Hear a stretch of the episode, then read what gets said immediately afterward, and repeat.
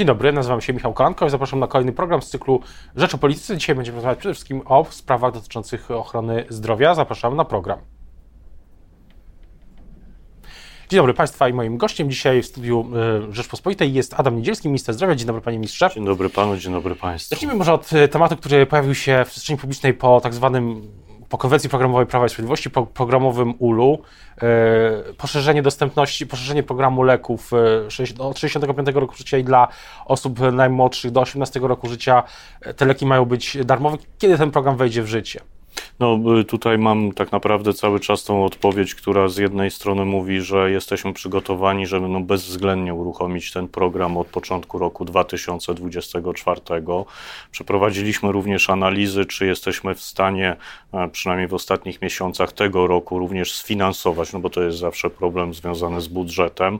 No i patrząc na tą skalę wydatków, jaką będziemy ponosili, to e, wydaje się, że jesteśmy w stanie upchnąć to, tak mówiąc kolokwialnie, w budżecie tegorocznym, przynajmniej te 3-4 miesiące końcówki roku, więc w gruncie rzeczy my jesteśmy przygotowani na scenariusz e, i jeden, i drugi. E, teraz e, oczywiście ta ostateczna decyzja jest w kierownictwie politycznym Prawa i Sprawiedliwości między panem prezesem Kaczyńskim a premierem Morawieckim. Też, a kiedy poznamy listę tych, tych leków, bo tak jak rozumiem, te leki dla osób do 18 roku życia, te darmowe będą inne niż te dla osób starszych. No, jest jakiś zbiór wspólny, ale oczywiście on jest stosunkowo niewielki, natomiast my tutaj w tym rozwiązaniu tak naprawdę od samego początku zakładamy, że do programu wejdzie pełna lista leków refundowanych, bo proszę pamiętać, że w Polsce mamy system refundacji, który polega na tym, że e, producent składa wniosek refundacyjny, my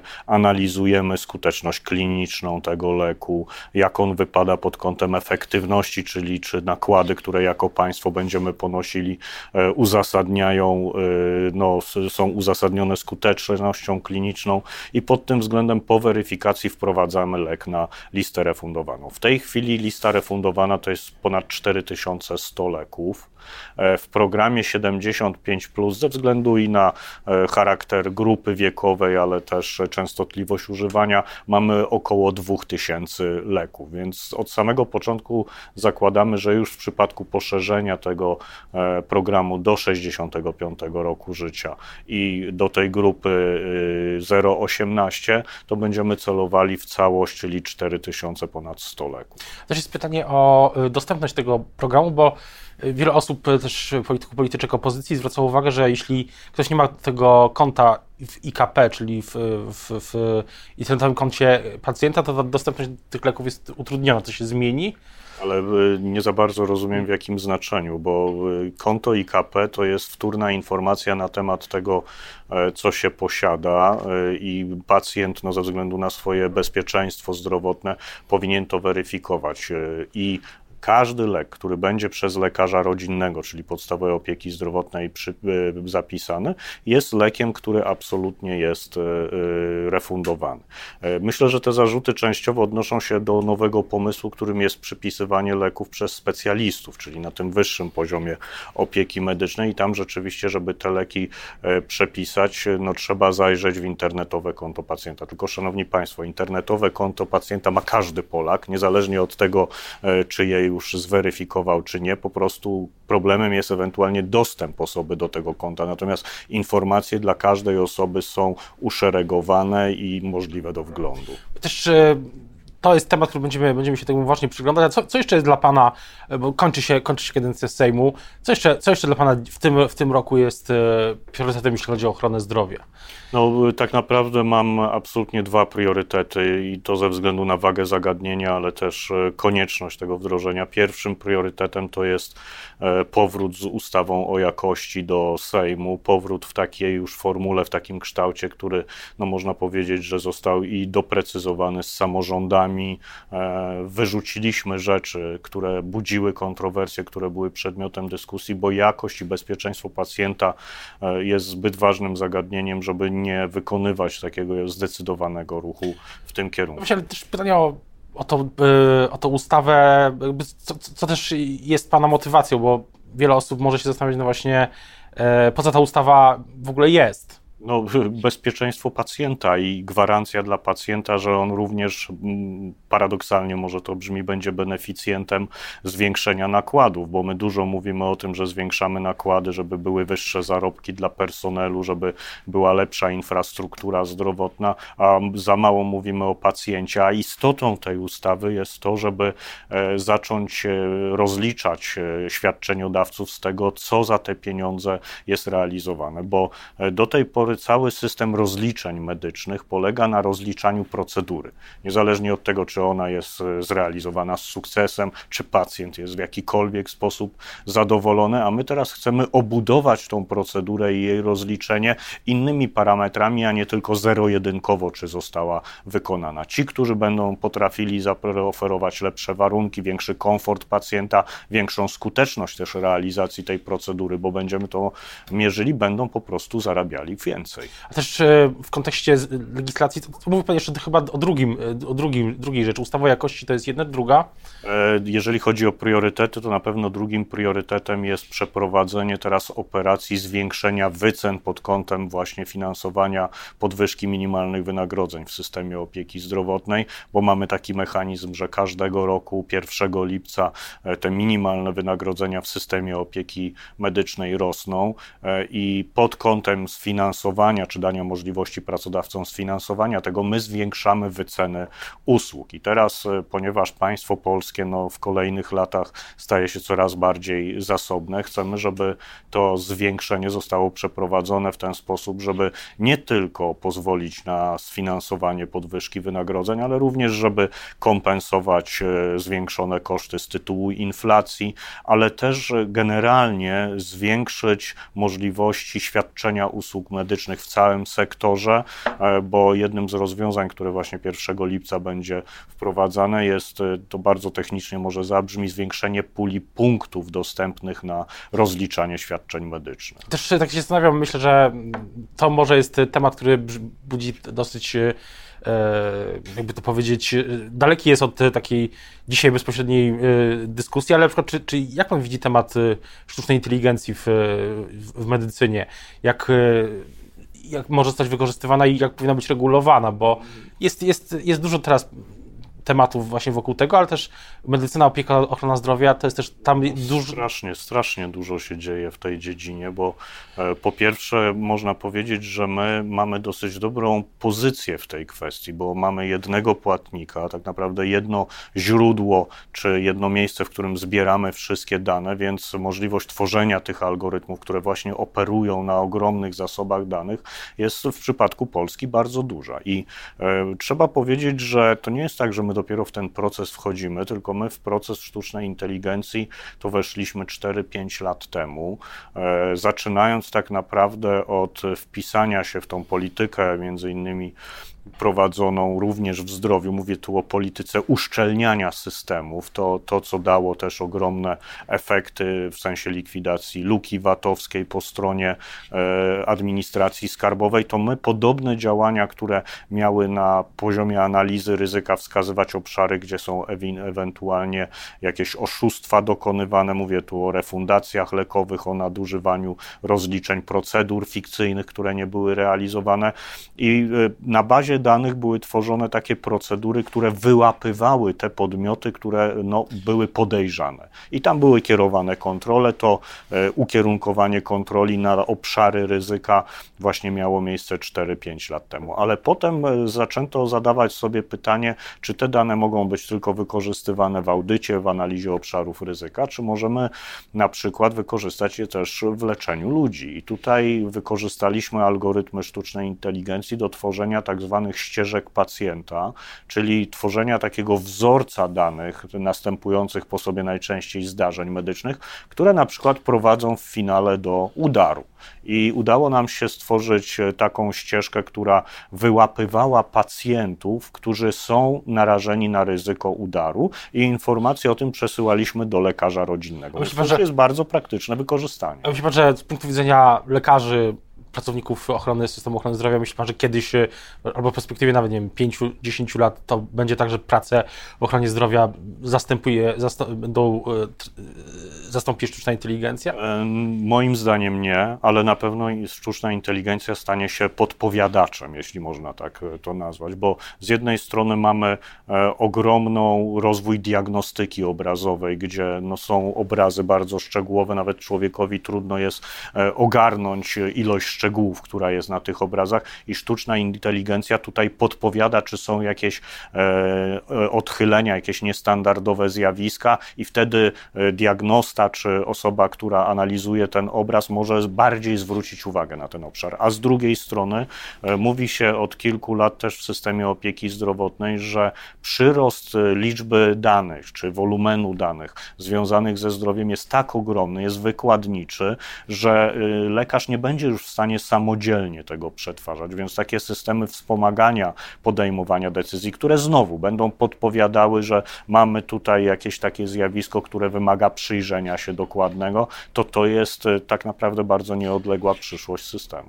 Też jest, y, wracam na chwilę jeszcze do samej, nie tylko producentów, ale właśnie no, też w jakimś sensie kampanii wyborczej, też myśli Pan, że na kolejnych konwencjach programowych, czy będą kolejne propozycje dotyczące ochrony zdrowia? Jeśli tak, to w jakim, w jakim kierunku mogą się Na pewno pojawić? będą e, z, e, jakieś propozycje dotyczące systemu ochrony zdrowia, bo chciałbym też zwrócić uwagę, że na naszej konwencji programowej zdrowie stało się samodzielnym, oddzielnym obszarem. I to z jednej strony wynika z tego, że w badaniach, które prowadzimy, widać wyraźnie, że to jest bardzo ważny temat dla wyborców, że e, w tej chwili oczywiście bezpieczeństwo staje się takim dominującym tematem, ale na drugiej, trzeciej pozycji e, to bezpieczeństwo zdrowotne również się pojawia, więc chociażby ze względu na to na pewno będzie to ważnym tematem, w którym analizujemy różne e, tematy. A jeżeli miałbym e, myśleć o tym, co jest taką potencjałem, to na pewno będziemy chcieli rozwijać programy profilaktyczne, bo profilaktyka jest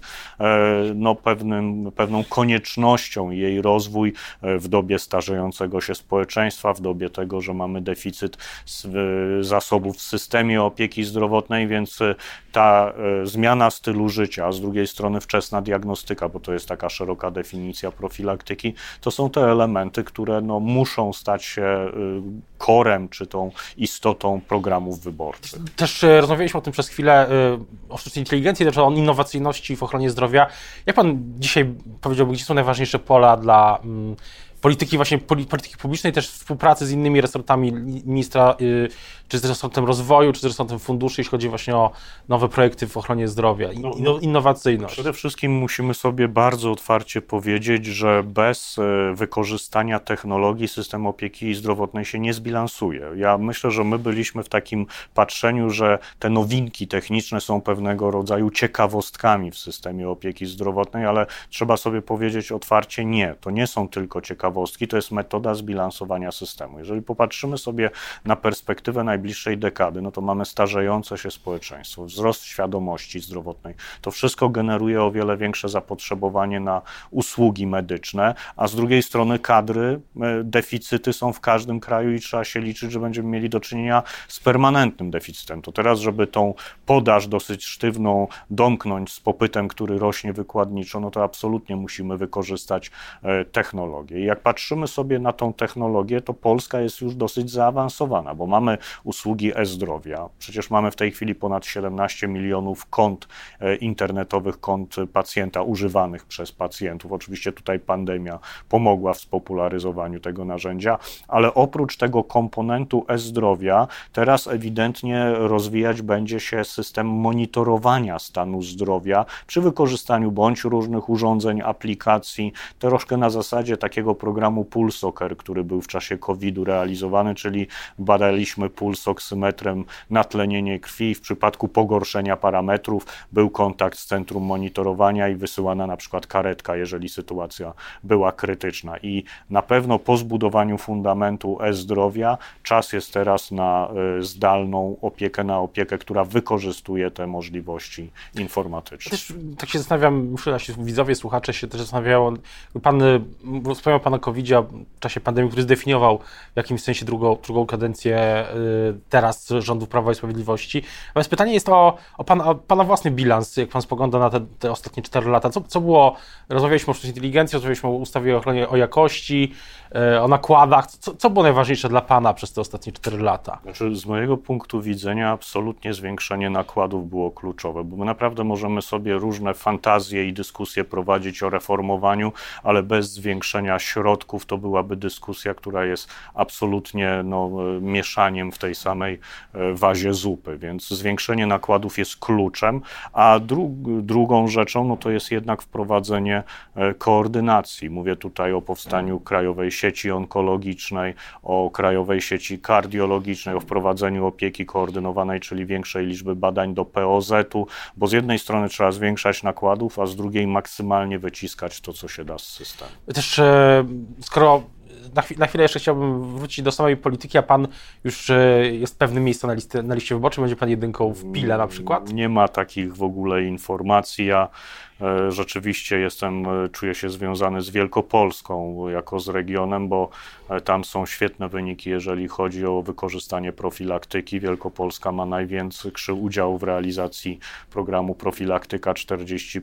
Wskaźniki szczepień w COVID, ale też grypowe są tam bardzo wysokie, więc dla mnie to jest naturalna przestrzeń do dyskusji o zdrowiu, bo tam czuję po prostu przyjazność. Bardziej właśnie, a bardziej Poznań czy Piła? E, nie ma takich przesądzeń. Na pewno to będzie z listy PiSu, to jest pewne. A też jest, e, też jest pytanie o. E, wracając za chwilę jeszcze do samych tych konwencji programowych. Co, co jeszcze? Czy to będzie tak, że te, te propozycje ochrony zdrowia będą bardziej jeszcze przed wakacjami, po wakacjach? Już jest decyzja, kiedy one zostaną ogłoszone? Proszę też nie, nie oczekiwać ode mnie teraz, że ja powiem szczegóły wszystkie, bo ten program się bardzo dynamicznie tworzy. Tak naprawdę prowadzimy wiele dyskusji, uczestniczą w nim zarówno posłowie, senatorowie, e, chociażby pan marszałek Karczewski jest jednym z moderatorów takiej programowej dyskusji w Prawie i Sprawiedliwości. E, mam nadzieję, że w czerwcu, bo tak planowana jest kolejna konwencja, na pewno temat zdrowia będzie nadal eksploatowany.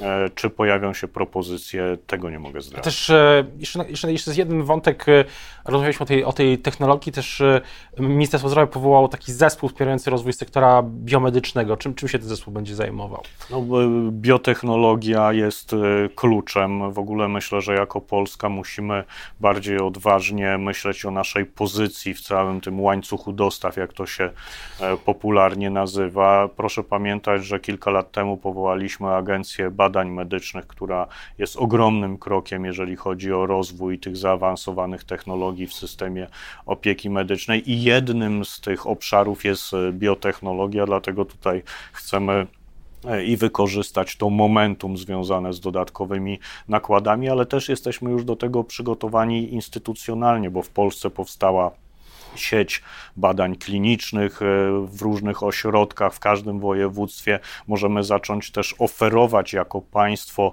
e, dużym graczom e, możliwości prowadzenia badań w Polsce. To przyciąga kapitał. Proszę pamiętać, że na Zachodzie, jak patrzymy na budżet szpitali, to standardem jest 10-20% tego budżetu pochodzącego z badań klinicznych różnego rodzaju.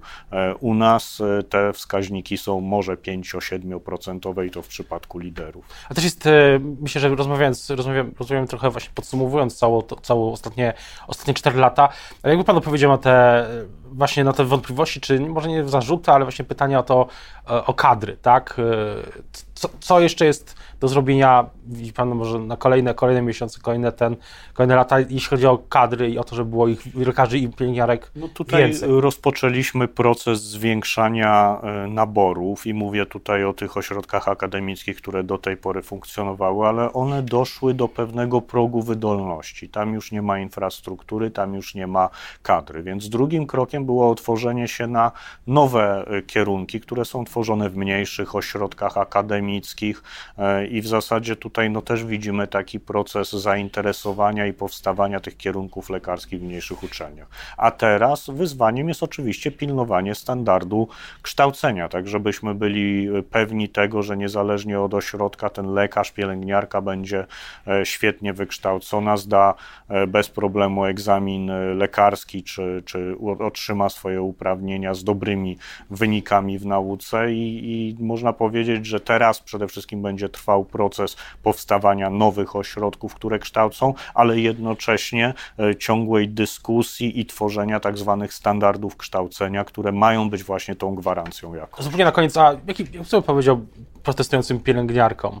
Które zwraca uwagę na nierówności. E, tutaj protest, przede wszystkim jesteśmy w dialogu z paniami pielęgniarkami. Teraz od 1 lipca podwyżka wynagrodzeń w tym środowisku to będzie ponad 800-900 zł, więc mówimy tu o dużych podwyżkach. Postulat zgłaszany przez panie pielęgniarki, które same zresztą mówią, że to nie jest protest, tylko dyskusja, w której chcą zwrócić uwagę na dysproporcję płacową. Według e, e, związków zawodowych tutaj jest postulat zawężenia e, tych rozwiązań rozbieżności. No my mamy takie dwa punkty widzenia, oczywiście ten społeczny, żeby zawężać, ale też ten e, ze strony pracodawców, który mówi, że musi być zaznaczona wyraźna ścieżka kariery, żeby wchodząc do zawodu była perspektywa powyższania zawodu, e, wynagrodzenia i zmiany stanowiskowej, więc staramy się znaleźć jakiś taki kompromis, który e, będzie wypadkową obu spojrzeń. Będziemy o tych tematach na pewno nie będziemy wracać, teraz bardzo dziękuję za rozmowę Państwa i moim gościem. Dzisiaj był Adam Niedzielski, minister zdrowia. Dziękuję bardzo. Dziękuję bardzo.